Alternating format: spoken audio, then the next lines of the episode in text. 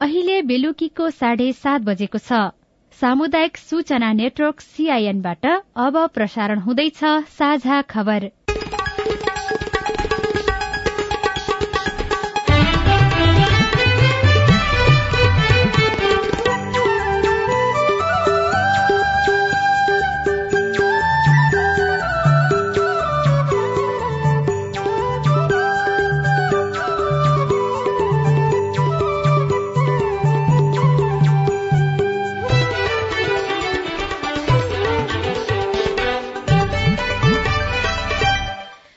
सीआईएनको साझा खबरबाट सोभिता रिसालको नमस्कार। साझा खबर देशभरिका सामुदायिक रेडियो सीआईएन खबर डट कम र मोबाइल एप सीआईएनमा पनि सुन्न सकिन्छ।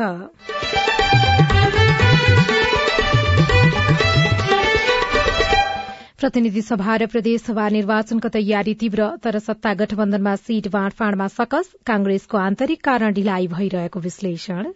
खास गरी कांग्रेसकै कारणले कांग्रेसभित्रको किचौलो राम्रोसँग नसकिया हुनाले। डेढ महिनादेखि गठबन्धनमा चाहिँ सिट बाँडफाँडको टुङ्गो नलागे। त्यही कारण हो।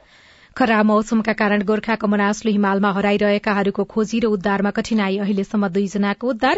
रामेछापमा कुटपिटबाट एकजना वृद्धाको मृत्यु। तेइस जना पक्राउ थप अनुसन्धान जारी। पितृ आएको भनिएको अरू संलग्न हुन सक्ने भन्ने शंका लागेको तेइसजना नियन्त्रण लिएर हामीले सोधपुछ गर्दैछौँ। पक्राउ गरेर थुनामा राखेर अनुसन्धान गर्छौं। दशैं शुरू भएसँगै काठमाण्डु उपत्यकाबाट बाहिरिनेको संख्या बढ्दै नेपालमा डेंग्यू संक्रमणबाट मृत्यु हुनेको संख्या बत्तीस पुग्यो। समान काममा समान ज्याला नपाएको महिलाहरूको गुनासो ढुङ्गा बया भने आउने आउँदैन। मैला पनि सारा आइजाने एकै ट्र्याक्टर ल्याए भने सारा बैकिने आइगे अनि त्यहाँ भौती पर्दैन। जति लाया उति लाया रेटै र स्वच्छ हावामा सास फेर्न पाउने अधिकार हनन भएको भन्दै जर्मनीका नागरिक असन्तुष्ट। परमाणु आक्रमण गर्ने रूसको चेतावनीपछि विश्व समुदाय फेरि चिन्तित।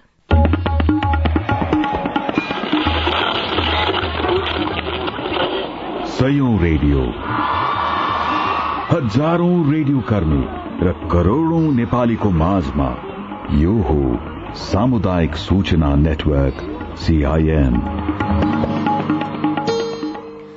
दशैं मनाउन कार्यक्षेत्र छोडेर आफ्नो घर जाने क्रम शुरू भएको छ जसका कारण सार्वजनिक तथा निजी सवारी साधनमा भीड़भाड़ बढ़िरहेको छ। व्यवस्थित नभएका ग्रामीण सड़कहरूमा क्षमताभन्दा बढ़ी यात्रु बोकेर जथाभावी गाड़ी चढ़ाउने क्रम बढ़दो छ। यसो गर्दा दुर्घटनाको जोखिम पनि बढ़न सक्छ। त्यसैले भीड़भाड़ नगर्न क्षमताभन्दा बढ़ी यात्रु नबोक्न जथाभावी सवारी साधन नचलाउन ट्राफिक प्रहरीहरूले अनुरोध गरिरहेका छन्। दुर्घटनाको जोखिम कम गराउन यात्रुहरू पनि सचेत हुनु आवश्यक छ। अब खबर सुशीला रामेछापको खाडादेवी गाउँपालिका तीनमा बोक्सीको आरोप लगाउँदै भएको कुटपिटबाट एकजनाको मृत्यु भएको छ। कुटपिटबाट अर्का एकजना घाइते भएका छन्।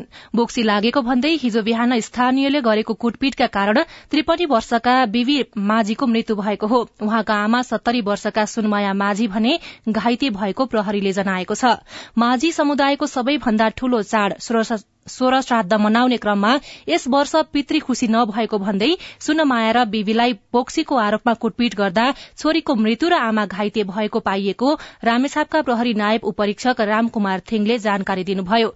घटनामा संलग्न भएको आशंकामा सात महिला सहित तेइस जनालाई पक्राउ गरी अनुसन्धान शुरू गरेको डीएसपी थिङले सीआईएनसँग बताउनुभयो। पितृ आएको भनिएको अरू संलग्न हुन सक्ने भन्ने शंका लागेको तेइसजना नियन्त्रण लिएर हामीले सोधपुछ गर्दैछौँ। तेइसजना नै होइन अब संलग्न नदेखिएकोहरू। तेइसजना संलग्न देखिन्छन् भने सबै नभए केहीलाई हामीले पक्राउ गरेर थुनामा राखेर अनुसन्धान गर्छौं। अनुसन्धान सकिएपछि अब हामीले मान्छे मरेको हकमा मान्छे मरेकै हिसाबले मर्नमा संलग्नहरूलाई कारवाही गर्नुपर्ने भन्ने रायसहित अनुसन्धान प्रतिवेदन अदालतमा बुझाउँछौँ। बोक्सीको आरोपमा हत्या गरेको पुष्टि भए संलग्नलाई जन्म कैद वा सो सरहको सजाय हुने व्यवस्था नेपालको कानूनले गरेको छ। अभियोग पुष्टि भएमा घटनामा संलग्नलाई नेपालको फौजदारी अपराध संहिता दुई हजार चौहत्तर अनुसार सजाय हुने अधिवक्ता रविन्द्र भट्टराईले सीआईएनसँग बताउनुभयो।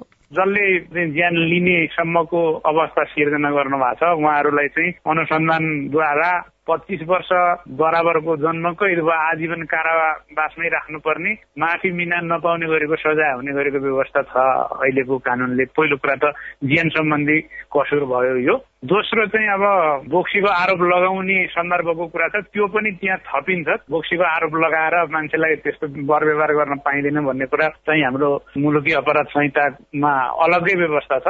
त्यो ऐन अनुसारको पनि यो चाहिँ अपराध भयो। त्यस अनुसार पनि चाहिँ अब भोलि चाहिँ माग दावी लिएर सरकारी पक्षले चाहिँ जीवित रहनु भएको व्यक्ति प्रति आक्रमण गर्नेलाई चाहिँ अब ज्यान मार्ने उद्योग गरेको भन्ने अब यसमा चाहिँ उद्योग चाहिँ पुरै एकदम स्थापित हुने भयो किनभने एकजनाको त ज्यानै गइसक्यो सकेको छ होइन? बोक्सीको आरोप लगाएर गरिएको दुर्व्यवहारको कानून बमोजिमको चाहिँ आरोप लाएर मुद्दा चल्ने अवस्था हुने भयो भोलि।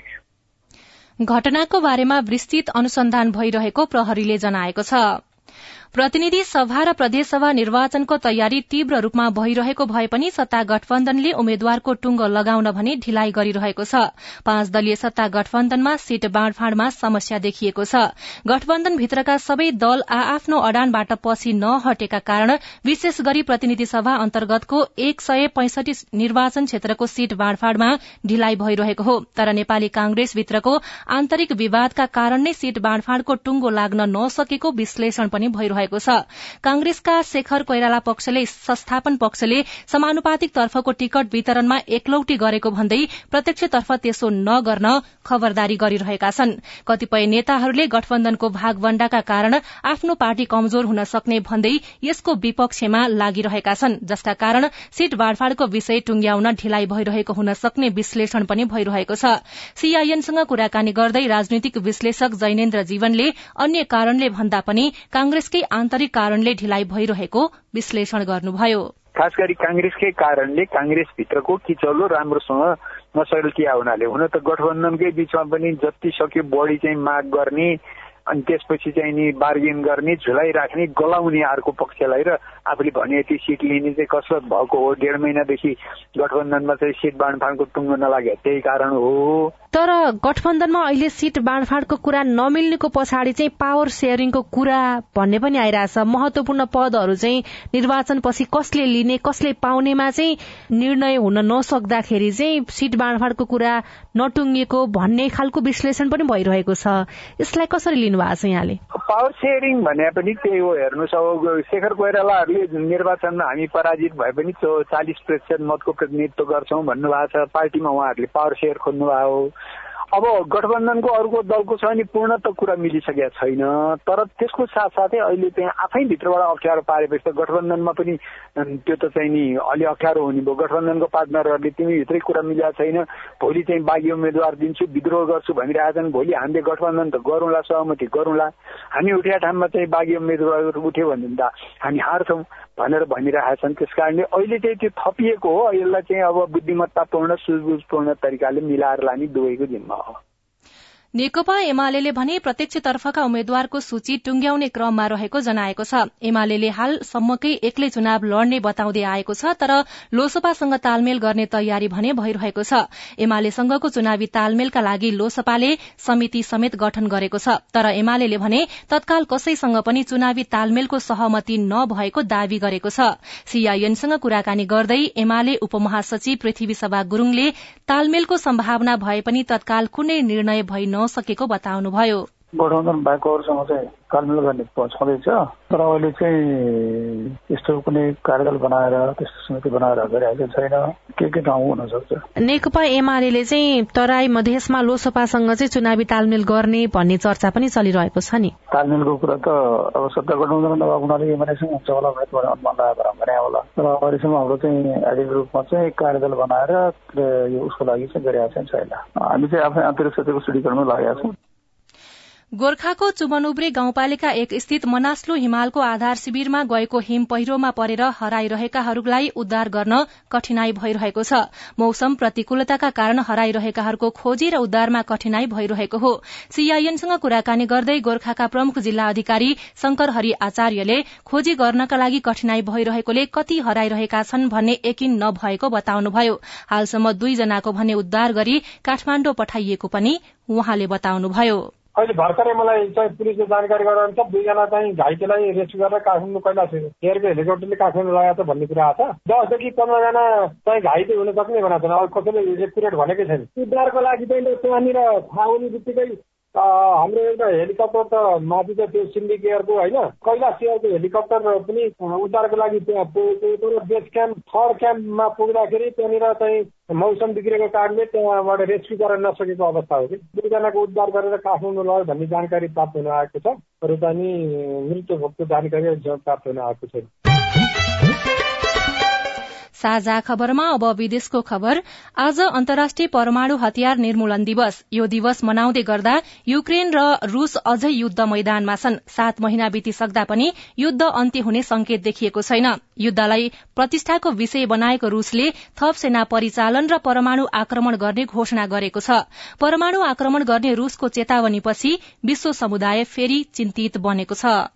для защиты России и нашего народа. रूसले परमाणु आक्रमण गर्ने चेतावनी पहिलो पटक दिएको भने होइन गत फेब्रुअरी चौविसमा रूस र युक्रेन बीच युद्ध शुरू भएको पाँचौं दिनमा युक्रेनमाथि आणविक हतियार प्रयोगका लागि सेनालाई तयारी अवस्थामा रहन उसले निर्देशन दिएको थियो रूसले परमाणु आक्रमण गर्छ कि भन्नेमा अमेरिका सहित पश्चिमा मुलुक अनि संयुक्त राष्ट्र संघ पनि चिन्तित छ Wherever you live, whatever you believe, that should make your blood run cold. Because if nations can pursue दोस्रो विश्व युद्धको बेला सन् उन्नाइस सय पैंतालिसमा अमेरिकाले जापानको हिरोसीमा र नागासाकीमा परमाणु आक्रमण गरेको थियो जसमा सेना र सर्वसाधारण गरेर तीन लाख बाहन्न हजार जनाको मृत्यु भएको थियो। त्यसपछि विश्वमा परीक्षण गर्ने बाहेक खासै यस्तो हतियार प्रयोग नभएको जानकारहरू बताउँछन्। अमेरिका र पश्चिमा मुलुकको सहयोगले युक्रेन रूसको प्रतिकारमा छ। रसायन शास्त्रका एकजना जानकार डाक्टर राजाराम प्रधानाङ्ग। थुप्रो परमाणु हतियारहरू विभिन्न देशहरूले राख छोडेका छ। परमाणु हतियार भने डिफेन्सिभ हतियार होइन अफेन्सिभ हतियार भयो। त्यसकारण यो विश्वबाटै परमाणु हतियार भयो भने परमाणु युद्धको कुरा आएन। संसार सुरक्षित हुन्छ। त्यसकारण परमाणु हतियार नबनाउने मात्र होइन कि जे जति छ उनीहरूलाई पनि हटाउने एक साता अघि रुसी राष्ट्रपति भ्लादिमिर पुटिनले एक स्थानीय टेलिभिजनमा अन्तर्वार्ता दिँदै परमाणु हतियार प्रयोगको चेतावनी दिएपछि त्यसबाट हुने क्षति र प्रभावका बारेमा विभिन्न अनुमान भइरहेका छन्। पृथ्वी नै ध्वस्त हुने कुरा भयो। जुन रेडिएसन हो दशौं वर्षसम्म चाहिँ फैलिरहन्छ। त्यसबाट त मानव सभ्यता मानवको विकासलाई नराम्रो असर पर्छ। रूस र युक्रेन युद्धका कारण विश्वको अर्थतन्त्र नराम्रोसँग प्रभावित बनेको छ। इन्धनको मूल्य महँगिनेदेखि रूपैयाँ निरन्तर कमजोर हुँदै गएको छ। यसैको प्रभाव थेग्न विश्व समुदायलाई धौधौ भइरहेका बेला रूसले परमाणु आक्रमण गर्न हुँदैन भन्नेमा शक्ति राष्ट्रहरूले आफ्ना मत सार्वजनिक गरिरहेका छन्। स्नेहा कर्ण सीआईएन काठमाडौँ। र स्वच्छ र स्वस्थ हावामा सास फेर्न पाउने अधिकार हनन भइरहेको भन्दै जर्मनीका नागरिकहरूले आफ्नो सरकारलाई मुद्दा हाल्ने भएका छन्। सरकार आफ्नो स्वास्थ्यको रक्षा गर्न असफल भएको दावी गर्दै उनीहरूले खतरनाक रूपमा उच्च वायु प्रदूषण स्तरको लागि सरकार जिम्मेवार रहेको बताएका हुन्।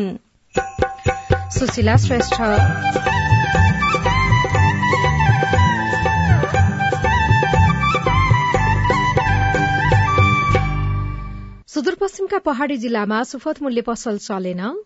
दसैँ नै मनाउन नसक्ने अवस्थाका गरिब परिवारहरूका लागि केही सहुलियत हुन्थ्यो तर यो अवस्था गर्न सकेन। त्यो सम्बन्धित निकायको ध्यान जानु पर्थ्यो त्यो भएन।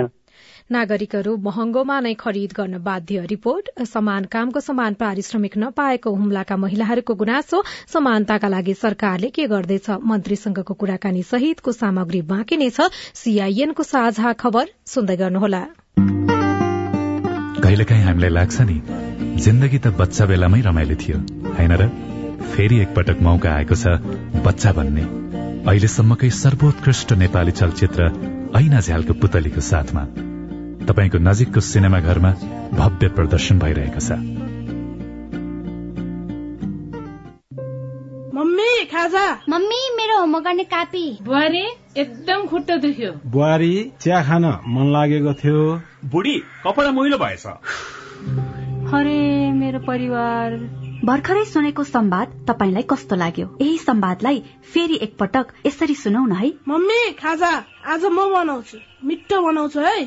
मम्मी मेरो होमवर्क गर्ने कापी मैले खोजिसके। अब म होमवर्क गर्छु। बुहारी एकदम खुट्टा दुख्यो। छोराले तेल तताएर लगाइदिएपछि अलि आराम भयो। बुहारी चिया खान मन लागेको थियो सबैको लागि बनाएको छु। आऊ सबैजना खान। बुढी कपडा मैलो भएछ। घर नि कस्तो फोहोर। कपडा धोएर भ्याए। अब घर सफा गर्छु। कोरोनाको महामारीबाट बस्न पनि त सरसफाई जरुरी छ नि। आहा मेरो परिवार। तपाईँलाई दोस्रो संवाद कस्तो लाग्यो? पक्कै राम्रो लाग्यो। हो तपाईँ हामी बीच जिम्मेवारी बोध भयो भने एक अर्का बीचको निकटतालाई अझ राम्रो बनाउन सकिन्छ।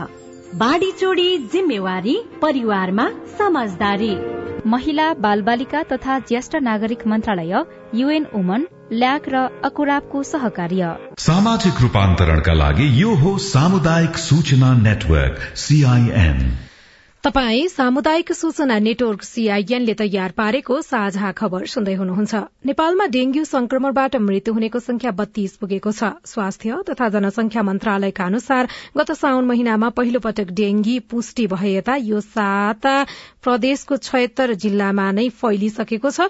मन्त्रालयका अनुसार देशभर पच्चीस हजार पाँच सय त्रिचालिस जनामा संक्रमण पुष्टि भएको छ। दशैं शुरू भएसँगै काठमाण्डु उपत्यकाबाट बाहिरिनेको संख्या बढ़दै गएको छ। हिजो आज दैनिक पचास हजार भन्दा बढ़ीले उपत्यका छोड़िरहेको महानगरीय ट्राफिक कार्यालयका प्रवक्ता राजेन्द्र प्रसाद भट्टले जानकारी दिनुभयो। तीन वर्ष अघि काठमाण्डु उपत्यकाबाट दशैंको अवसरमा घर फर्कनेको संख्या बीस लाखको हाराहारीमा रहेको थियो। यसपटक पनि दशैंमा करिब बीस लाख व्यक्ति उपत्यकाबाट बाहिर जाने अनुमान प्रहरीले गरेको छ। सरकारले दशैं तिहार र छठ पर्वलाई लक्षित गरी काठमाण्डु सहित देशका विभिन्न स्थानमा सुफत मूल्य पसल सञ्चालनमा ल्याएको छ। यसले थोरै भए पनि राहत मिलेको उपभोक्ता बताउँछन्। तर यसअघिका वर्षहरूमा सुफत मूल्य पसल सञ्चालनमा आउने गरेको बैतडीमा भने यसपटक सहुलियत पसल खुलेको छैन। सामान खरिद गरेपछि रकम भुक्तानी प्रणाली अनलाइन मार्फत हुने भएकाले सहुलियत पसल सञ्चालन गर्न कठिनाई भएको हो। यसअघि छ वर्षदेखि प्रत्येक वर्ष सञ्चालन हुँदै आएको सुफत मूल्य पसल यसपटक भने खुलेको छैन। यसअघि दशैं तिहारमा नागरिकले सहुलियत पसलबाट सामान खरिद गर्ने गरेका थिए। नुन तेल चिउरा चामल चिनी जस्ता खाद्यान्नहरू सहुलियत पसलमा अन्य पसलको तुलनामा सस्तो पाइने गरेको थियो। नागरिकहरू यसपटक पनि सहुलियत पसलको प्रखाइमा रहेका थिए। पाटन नगरपालिका छका स्थानीय हरिप्रसाद जोशी र देवसिंह ठगुन्ना। चिनी पाइन्थ्यो अरू अरू चिज पाइन्थ्यो। त्यो अब अस्ति पनि मैले सोधेको छु त्यहाँका कर्मचारी भाइलाई अहिले चिनी आउँछ कि आउँदैन सुपथ मूल्यको के हो यो दसैँ तिहारमा त सुपथ मूल्यको पसलमा के भन्दाखेरि कहाँ यो के के भएन के मिलेन कहाँ के भएन भन्ने कुराकानी गरेर त्यो यो पालि पनि हुँदैन भनेर भन्दै थियो। दसैँ नै मनाउन नसक्ने अवस्थाका गरिब परिवारहरूका लागि केही सहुलियत हुन्थ्यो तर यो अवस्था गर्न सकेन। त्यो सम्बन्धित निकायको ध्यान जानु पर्थ्यो त्यो भएन। उद्योग वाणिज्य तथा आपूर्ति मन्त्रालयले प्रत्येक वर्ष चाँड प्रभुको अवसरमा सुदूरपश्चिमको बैतडी सहित डडेलधुरा दिपायल महेन्द्रनगर र टिकापुरमा दशैं तिहार लक्षित सुफत मूल्य पसल सञ्चालनमा ल्याउने गरेको थियो। यसपटक भने सामान खरिद गरेपछि उपभोक्ताले तिर्ने रकमलाई अनलाइन प्रणालीबाट व्यवस्थित गर्नुपर्ने भएकाले पसल सञ्चालन गर्न नसकिएको जनाएको छ। सबै स्थानमा इन्टरनेट कम्प्युटर र कर्मचारी अभाव हुने भएकाले अहिले सुफत मूल्य पसल सञ्चालन नगरिएको साल र ट्रेडिङ कर्पोरेशन प्रदेश कार्यालय धनगढ़ीका निमित्त प्रमुख तेज बहादुर कुवरको भनाइरहेको छ। यो वर्ष छैन। अब हामीसँग चिनी नै छैन होइन। स्टकमा सरी नै चिनी छैन।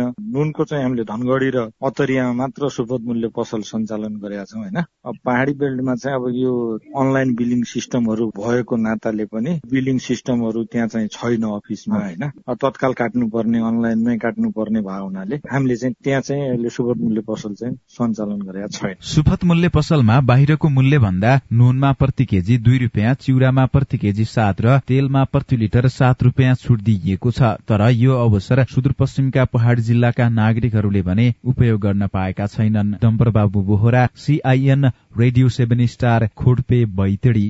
साझा खबरमा अब हेलो सीआईएन उषा तामाङबाट। नमस्कार म धर्मराज कटायत आठाबिस नगरपालिका सात दैलेखदेखि यो क्षेत्रमा नेटवर्क समस्या छ। नेटको नाममा यहाँ टु जी र थ्री जी भन्दा माथि कहिले पनि राम्रोसँग चल्दैन माथिल्लो एरियातिर। यो नेटवर्कको समस्याको लागि सम्बन्धित निकायको जवाब सुन्न पाए हुन्थ्यो। जवाफ दिँदै हुनुहुन्छ नेपाल टेलिकम कडाली प्रदेश प्रादेशिक निर्देशनालय सुर्खेतका वरिष्ठ इन्जिनियर सुशील पोखरेल। सोलरबाट चल्ने साइटहरूमा यस्तो समस्या देखिएको हो। यसलाई पनि हामीले विद्युतीकरण गरी सम्भव भएसम्म विद्युतीकरण गरेर चाहिँ सम्भव साइटलाई सधैँभरि चल्ने चौबिसै घण्टा चल्ने बनाउन प्रयासरत छौँ चितवनबाट श्याम अधिकारीले नेपालको आधिकारिक जनगणनाको तथ्याङ्क कहिलेसम्म सार्वजनिक हुन्छ भनी हाम्रो फेसबुक मार्फत सोध्नु भएको छ। श्यामजी तपाईँको प्रश्न हामीले तथ्याङ्क विभागका निर्देशक ढुण्डीराज लामिछानेलाई सुनाएका छौं। बढीमा हामीले पुसको पहिलो हप्ताभित्र निकाल्ने भनेका छौँ फाइनल नतिजा। हप्ता दस दिनको तलमाथि पर्न सक्छ। इन्ट्रीको काम सकिने चरणमा छ इन्ट्री गर्दैछौँ। भित्री डेटाहरूको अवस्था कन्सिस्टेन्सी चेकहरू अब जिल्ला अनुसार मिलेन मिलेको चेक गर्ने कामहरू भइरहेको छ अहिले। मेरो नाम वीरेन्द्र सिंह महरा महाकाली नगरपालिका तिन दार्चुला। जीवन बिमामा मैले एक किस्ता तिरेको छु गोटी लाइफ इन्सुरेन्स र एसिएम लाइफ इन्सुरेन्समा। अनि एक किस्ता तिरिसकेपछि दोस्रो किस्ता बुझाउन पाएको छैन। पैसा बिचमा झिक्न मिल्छ कि मिल्दैन त्यो एक किस्ताको रकम पाउँछ कि पाउँदैन। तपाईँको जिज्ञासा समाधान गरिदिनका लागि हामीले ज्योति लाइफ इन्सुरेन्सका पुनर्बिमा तथा अपरेशन प्रमुख सचेत श्रेष्ठलाई अनुरोध गरेका छौं। अहिलेको व्यवस्था अन्त उहाँको पोलिसी कहिले जारी भएको थियो त्यो जारी भएको मिति जस्तो बिमा समितिले सरको जारी गरेको अवस्था पछि इस्यु भएको पोलिसी हो भने तिन वर्ष तिन किस्ता तिरेको हुनु पर्यो र पहिलाको हो भने चाहिँ दुई वर्षको त्यो हामीले पोलिसी बुकमै हामीले लेखेर दिएको हुन्छ। त्यो पोलिसी बुकको पछाडिको पान्नामा चाहिँ स्पष्ट रूपमा चाहिँ लेखेको हुन्छ। कहिले कहिले उस्तो गर्न मिल्ने भन्ने कुराहरू चाहिँ त्यसमा उल्लेख गरेको हुन्छ। तपाई जुनसुकै बेला हाम्रो आइभीआर नम्बर शून्य एक बान्न साठी छ चार छमा फोन गरेर आफ्नो विचार गुनासो प्रश्न तथा प्रतिक्रिया रेकर्ड गर्न सक्नुहुनेछ। तपाई सामुदायिक सूचना नेटवर्क सीआईएनले काठमाण्डुमा तयार पारेको साझा खबर सुन्दै हुनुहुन्छ। साझा खबर मोबाइल एप नेपाली पात्रबाट पनि सुनिरहनु भएको छ। समान काम तर पारिश्रमिकमा अझै विभेद। पहिला त पाँच सय हो। मैले छ सय हो भन्दा। छ सय आउँदा त छकालो मारमार गरेर लाग्दा छ सय पाए पनि होइजाला भन्दा हजार पुन त सोह्र सय भन्दा जिल्ला रेड हामी कहाँ पाउनु महिलाहरू विभेद सहन बाध्य रिपोर्ट समस्या समाधानको लागि सरकारको पहल के छ? मन्त्रीसँगको कुराकानी बाँकी नै छ। सीआईएनको साझा खबर सुन्दै गर्नुहोला।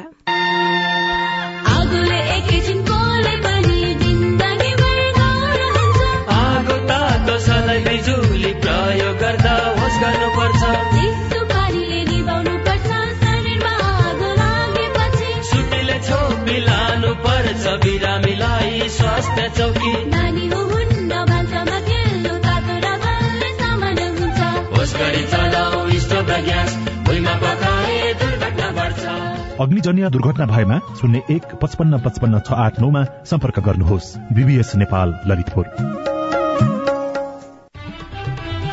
तपाईँले सीआईएनको साझा खबरका मुख्य शीर्षकहरू नेपाल टेलिकमको सिम भएको मोबाइल नम्बरबाट पटक पटक जुनसुकै बेला निशुल्क सुन्न सक्नुहुन्छ। तीन दुई एक शून्य शून्य डायल गर्नुहोस् र दैनिक समाचार स्वास्थ्य कोविड उन्नाइस कृषि मौसम प्रकोप र अधिकारका बारेमा पनि निशुल्क सुन्नुहोस्। तीन दुई एक शून्य शून्य सूचनाको संचार सामाजिक रूपान्तरणका लागि यो हो सामुदायिक सूचना नेटवर्क सीआईएन तपाई सामुदायिक सूचना नेटवर्क सीआईएनले काठमाण्डुमा तयार पारेको साझा खबर सुन्दै हुनुहुन्छ। नेपालको संविधान दुई हजार बहत्तरमा समान कामका लागि लैंगिक आधारमा पारिश्रमिक तथा सामाजिक सुरक्षामा कुनै पनि विभेद नगरिने उल्लेख छ। तर संविधान जारी भएको सात वर्ष बित्दा पनि यो व्यवस्था पूर्ण रूपमा कार्यान्वयनमा आउन सकेको छैन। पुरूषभन्दा बढ़ी नै समय खट्ने महिलाहरू दुर्गम भेगमा झनै विभेद सहन बाध्य छन्।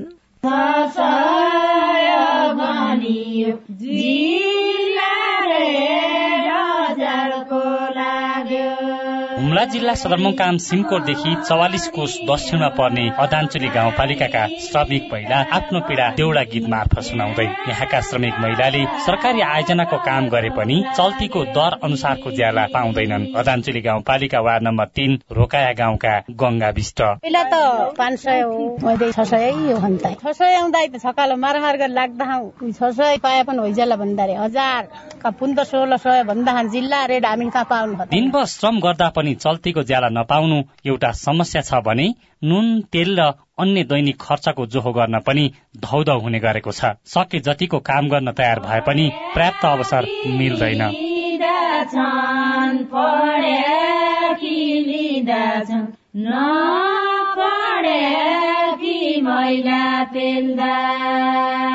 आक्कल झुक्कल पाइने विकासे काम र महिलाको बाध्यता बुझेर उपभोक्ता समिति र ठेकदारले जिल्लाको दरभन्दा निकै कम ज्याला दिन्छन्। अदानचोली गाउँपालिका दुई बुढाबाडाकी झलु बुढा ढुङ्गा बया भने आउने आउँदैन। मैला पनि सारा आइजाने एकै ट्र्याक्टर ल्याया भने सारा बैकिने आइगे अनि के भौती पर्दैन जति लाया उति लाया रेटै दिन बिहान नौ बजेदेखि साँझ पाँच बजेसम्म पुरुष सरह नै हुम्लाका श्रमिक महिलाहरू काममा खटिन्छन्। तर जेलामा पुरुषको भन्दा आधा काममा चित्त बुझाउनु पर्दा पीड़ा हुने गरेको वडा नम्बर तीनकी सरू रोकाएको भनाइ छ। जिल्ला रेट भन्दा थिए नौ सय भन्दा हजार भन्दा महिला रेट। केही दिया केही नै। पुरुष कन मिस्त्री बनाना हजार महिला कन छ सय दिया। अदानचुली मात्र होइन जिल्ला सदरमुकाम समेत भएको सिमकोट गाउँपालिकामै पनि श्रमिक महिलाले पुरुषको तुलनामा कम ज्याला पाउने गरेका छन्। सिमकोट गाउँपालिका दुईका सिल देवी परियार। एक दिनमा हामीलाई ठेमा कहिले दुई सय कहिले तिन सय भन्दा बढी दिए छैन। लाटा गणा जनता गाउँमा यसो गर तसो गर भनेर हामीले धम्की दिन्छन् गरिहाल्छौँ।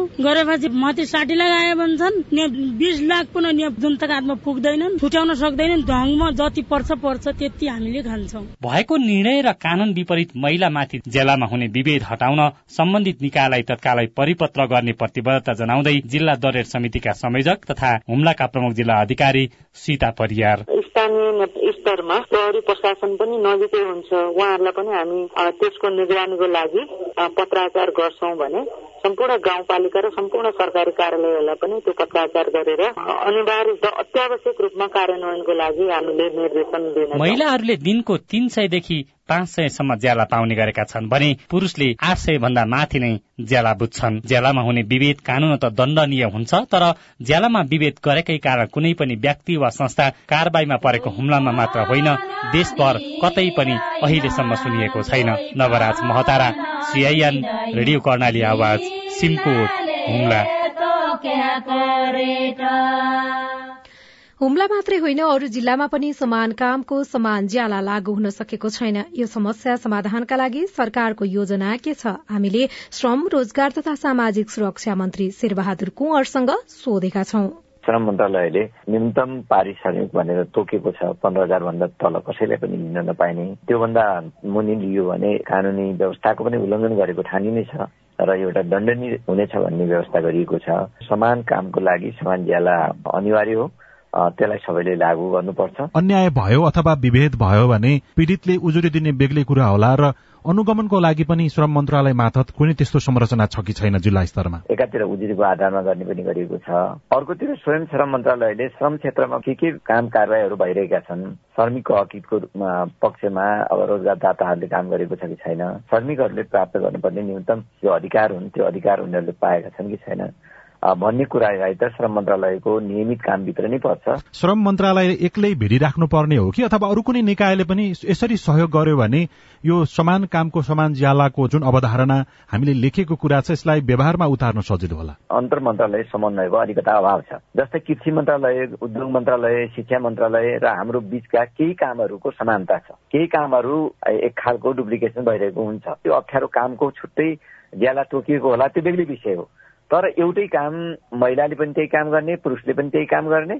तर ज्याला भनेको फरक फरक दिने। यो प्रचलित ऐन कानून र संविधानले प्रदत्त गरेका त्यो अधिकारको विपरीत ठहरिन्छ। मन्त्री भइसकेपछि यो समान कामको समान ज्यालाको अझै विभेद छ भन्ने त्यस्ता केही उजुरीहरू मौखिक लिखित रूपमा केही आउँछन् कि आउँदैनन्? त्यस्तो कुरा त अहिलेसम्म म कहाँ आएको छैन। तिन महिना पनि पुग्न पुग्न लाग्यो होइन? स्थानीय दर रेट त अब केन्द्रले तोकेको दर रेटमा चाहिँ फरक छ। केन्द्रले एउटा रूप तोकिदिने अब तर दुर्गम जिल्लाहरूमा ती ठाउँहरूमा स्थानीय दर रेट चाहिँ फरक हुने।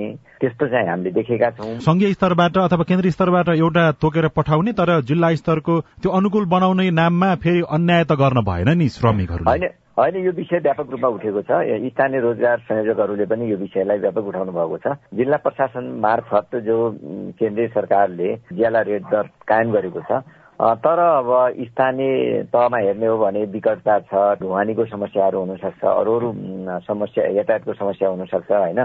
त कुरालाई ध्यान दिएर नै दर रेट तोक्नुपर्ने हुन्छ। अब यो दर रेटलाई पनि पुनर् विचार गरिनुपर्छ भनेर स्थानीय तहका साथीहरूले थुप्रै कुराहरू उठाउनु भएको छ। त्यो त्यो विषयलाई त हामी माथि पनि गम्भीर ढङ्गले उठाइरहेका छौँ तपाईँ यसमा थप केही सोच्नु होला आगामी दिनमा कि यसलाई अझ कसरी व्यवस्थित र समान कामको समान ज्याला र ज्याला पनि अझ वैज्ञानिक बनाउनको लागि? स्थानीय तहबाट आएका जो समस्याहरू छन् ती सम्बन्धित फोरममा उठाउने सम्बन्धित फोरमबाट त्यसलाई निराकरणको लागि पनि अगाडि बढाउने कुरामा त हाम्रो पहल हुन्छ नि होइन यो नहुने होइन यो विषय किनकि अन्तर मन्त्रालयसँग समन्वय गरेर यो विषयलाई एउटा सरकारकै नै एउटा विषयको अङ्गको रूपमा बनाउन सकिने स्थिति आउन सक्छ। प्रतिनिधि सभा र प्रदेश सभा निर्वाचनको तयारी तीव्र रूपमा चलिरहेको छ तर सत्ता गठबन्धनमा सीट बाँडफाँडमा सकस देखिएको छ। कांग्रेसको आन्तरिक कारण ढिलाइ भइरहेको विश्लेषण पनि भइरहेको छ। खराब मौसमका कारण गोर्खाको मनास्लो हिमालमा हराइरहेकाहरूको खोजी र उद्धारमा कठिनाई भइरहेको छ। अहिलेसम्म दुईजनाको उद्धार भएको छ। पितृ खुशी नभएको भन्दै रामेछापमा एकजना वृद्धको हत्याको आरोपमा तेइसजना पक्राउ परेका छन्। थप अनुसन्धान चलिरहेको छ। र दशैं शुरू भएसँगै काठमाडौँ उपत्यकाबाट बाहिरिनेको संख्या बढ़दै गएको छ। नेपालमा डेंग्यू संक्रमणबाट मृत्यु हुनेको संख्या बत्तीस पुगेको छ। आजलाई साझा खबरको समय सकियो। प्राविधिक साथी सुरेन्द्र सिंहलाई धन्यवाद। भोलि असोजे एघार गते बिहान छ बजेको साझा खबरमा फेरि भेटौँला। अहिलेलाई सोभिता रिसाल पनि विदा हुन्छु। नमस्कार शुभरात्री।